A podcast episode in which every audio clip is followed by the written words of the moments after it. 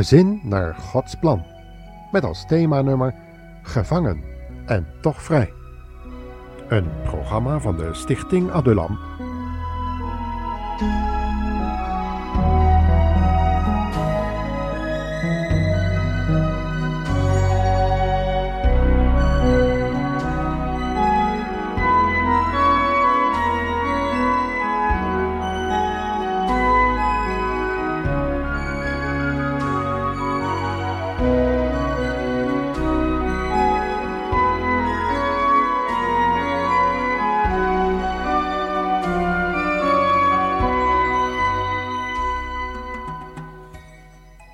Welkom in ons familieprogramma Gezin naar Gods plan, luisteraar.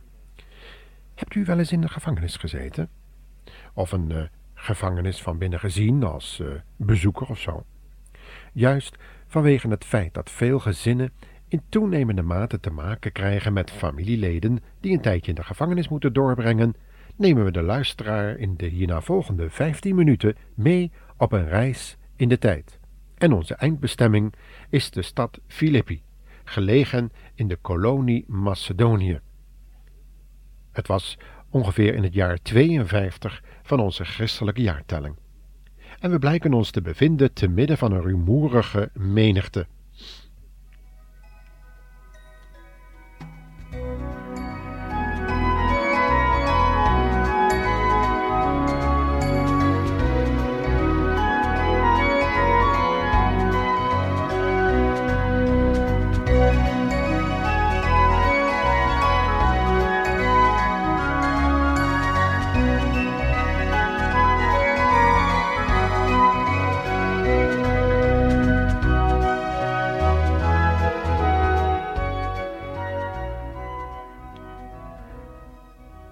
We kijken intussen eens om ons heen en zien enkele soldaten in een Romeins legeruniform juist bezig enkele, zo te zien, Joodse mannen te arresteren en weg te voeren. We proberen hen te volgen en naderen een groot statig gebouw met dikke muren. Bij de poort aangekomen wordt er op bevel van de soldaten een paar, een paar ijzeren grendels weggeschoven en knarst een zware ijzeren deur voor ons open, die de soldaten en tegelijk ook ons, kennelijk onzichtbaar voor de cipier, binnenlaten. Daarna wordt de poort weer gesloten. Een donker voorportaal wordt schaars verlicht door enkele fakkels en de hoofdbewaker vraagt wat er met die twee gevangenen gebeuren moet. Ze heten Paulus en Silas. Inderdaad, Joodse mannen dus, die vanwege hun geloof in een zekere Christus in conflict gekomen zijn met enkele rijke burgers van de stad Filippi. Men had het kennelijk niet erg voorzien op de mannen die in de naam van Jezus een waarzeggende geest hadden uitgedreven. Want met deze waarzeggerij werd nogal veel geld verdiend, iets wat ook in onze moderne eeuw nog steeds veel op schijnt te brengen.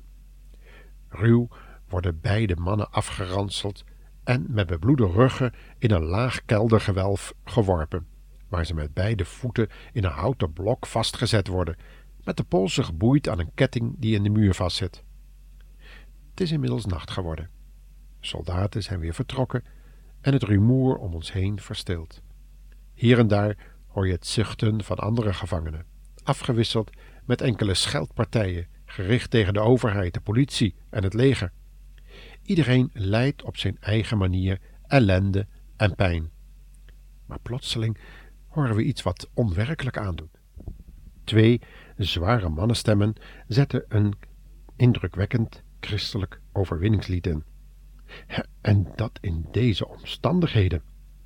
Het maakt indruk op iedereen en de scheldpartijen stoppen onmiddellijk.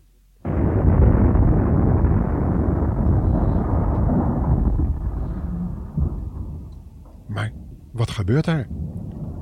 We horen een enorme aardbeving en de grond trilt onder onze voeten.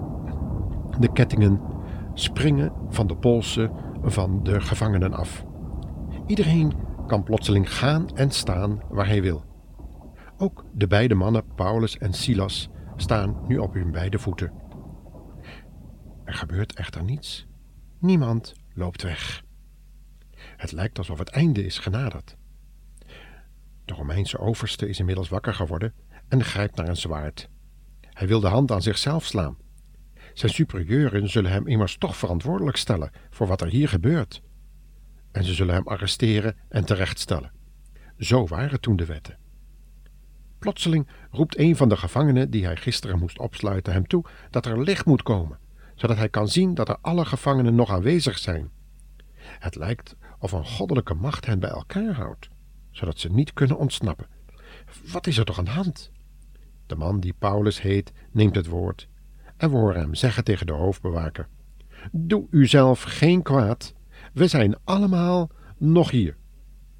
En toen kwam het licht, wat die Romeinse officier had laten aandragen. Het licht scheen echter ook in zijn ziel.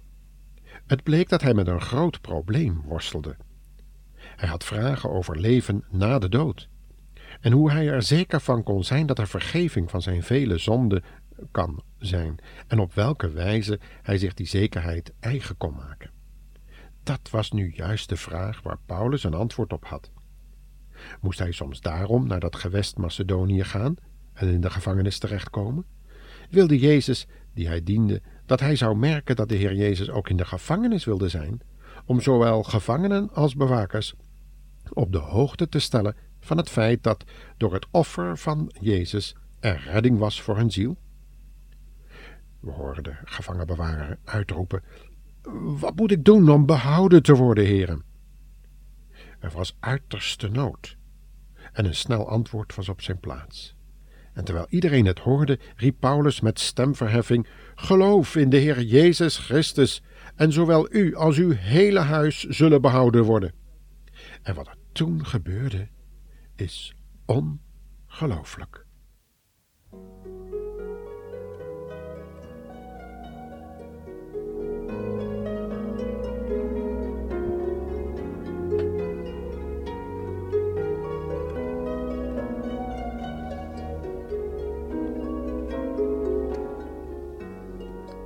In de hemel begon het feest te worden. Engelen begonnen God te loven en te prijzen voor het werk van genade dat hij opnieuw in een zondaar had zichtbaar gemaakt. Vanaf het moment dat Paulus en Silas hun gezang tot eer van God hadden aangeheven, was God in de hemel bezig met de definitieve redding en wedergeboorte van deze Romeinse legerofficier. Al de mensen die woorden van Paulus aanhoorden, kwamen tot geloof en werden gered voor de eeuwigheid. Nooit meer zouden ze behoeven te vrezen voor het goddelijk gericht aan het einde der tijden, want God had hun bekendgemaakt dat de Heer Jezus Christus hun straf op het kruis reeds had ondergaan, zodat zij vrij konden komen uit de macht van de zonde en de Satan. Elke luisteraar die dat aanvaardt en de zonde openlijk en met berouw wil beleiden en wegdoen, wordt eveneens gered door het bloed van Gods Zoon, het Lam van God. Hij nam de zonde weg van ieder die in Jezus verlossingswerk gelooft.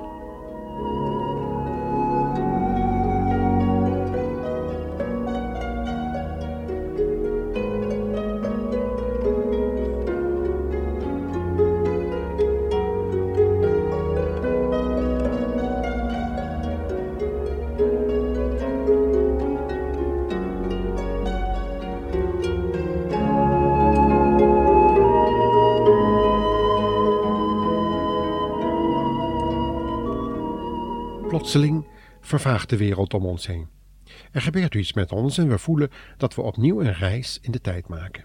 Even later bevinden we ons opnieuw te midden van een grote menigte. In het midden van al die mensen staat een indrukwekkende persoonlijkheid, die juist bezig is de mensen uit te leggen dat hij het is op wie de profeten al duizenden jaren gehoopt hadden, de Messias van Israël. Ademloos hangen de mensen aan zijn lippen. Nooit had enig mens zo tot hen gesproken want deze man leerde hun als iemand die werkelijk gezag had en kennis van zaken had. Hij was zo anders dan die fariseeën en hoogmoedige schriftgeleerden. Van dat soort mensen wisten de luisteraars dat ze niet zoveel in te brengen hadden. Wat die leerden, deden ze zelf niet, en bovendien maakten ze misbruik van hun positie. Deze man bleef echter nederig en gedroeg zich toch niet als iemand die het respect van mensen wilde afdwingen. We luisterden met de scharen mee en hoorden hem het volgende zeggen. Ik was een vreemdeling en u wilde mij niet in huis opnemen. Ik had niets om aan te trekken en u wilde mij geen kleren geven. Ik was ziek en u wilde mij niet opzoeken. Ik zat in de gevangenis en u hebt mij niet opgezocht en mij aan mijn lot overgelaten. Beschaamd bogen we met vele anderen het hoofd. Inderdaad, wie gaat er nu gevangenen opzoeken? Mensen die je niet eens kent en bovendien hun straf aan zichzelf te danken hebben. Maar deze man beweerde dat hij zelf in de gevangenis was geweest en gesnakt had naar bezoek, naar een beetje liefde en aandacht, een beetje sociale steun en begrip, ook al was er een schuld te dragen van het verleden. Deze man zei dat hij onschuldig was, zoals zoveel gevangenen soms beweren, en soms zelf geloven wat ze de rechters en advocaten op de mouw hadden gespeld. Dat kan onder invloed van manipulatie, drugs en geweld, nietwaar? Maar de spreker ging verder en zei dat hij bereid was om de schuld van de hele wereld op zich te nemen, omdat hij God wilde verzoenen met de zonde van die hele wereld. Dat ging wel heel ver. Maar nu wilde hij kennelijk dat die boodschap ook tot in de gevangenis gebracht zou worden. Hij bevestigde die gedachte door een profeet te citeren. De profeet Jezaja, hoofdstuk 42, vers 7 en op andere plaatsen. De geest van de Heere is op mij. Hij heeft mij de opdracht en de kracht gegeven om arme mensen goed nieuws te brengen. Hij heeft mij gestuurd om uit te roepen dat gevangenen zullen worden vrijgelaten. De tijd van Gods genade is aangebroken. Ademloos luisteren we er toe en herinneren ons het vorige bezoek dat we maakten aan die gevangenis van Macedonië. Zouden we onbewust gedaan hebben wat deze indrukwekkende man hier van de mensenmenigte vroeg?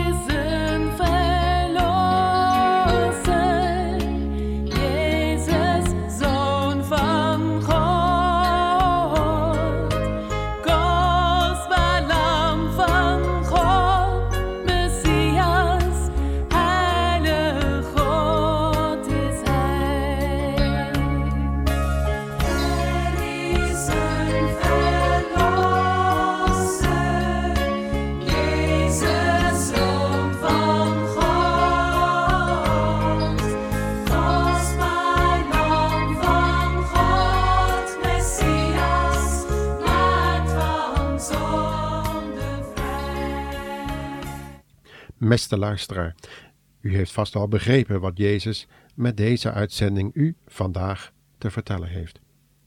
Kunt en wilt u vergeven wat anderen u hebben aangedaan? Jezus was in de gevangenis. Hij heeft voor vijanden gebeden, verdrietige en eenzame mensen opgezocht, en hij ging het land door, goeddoende en genezende alle mensen die van lichamelijke en geestelijke noden last hadden. En wilt u genezen worden van uw pijnlijke herinneringen en zielenwonden? Misschien voelt u zich wel een gevangene in uw eigen huis, terwijl u kunt gaan en staan waar u wilt. Luister, God heeft een plan ook met uw leven. En hij wil u de liefde van de Heer Jezus laten zien. Hij die stierf aan een kruis voor uw en mijn zonde. Hij wil nu bij u naar binnen komen, om in uw leven de eerste plaats in te nemen en u te bevrijden naar geest, ziel en lichaam. Laat u hem in uw leven toe, luisteraar. In de volgende uitzending zullen we u een interview laten horen van iemand die op bezoek is gegaan in de gevangenis, in een vrouwenafdeling. En ze zal u vertellen hoe dat bij haar overkwam.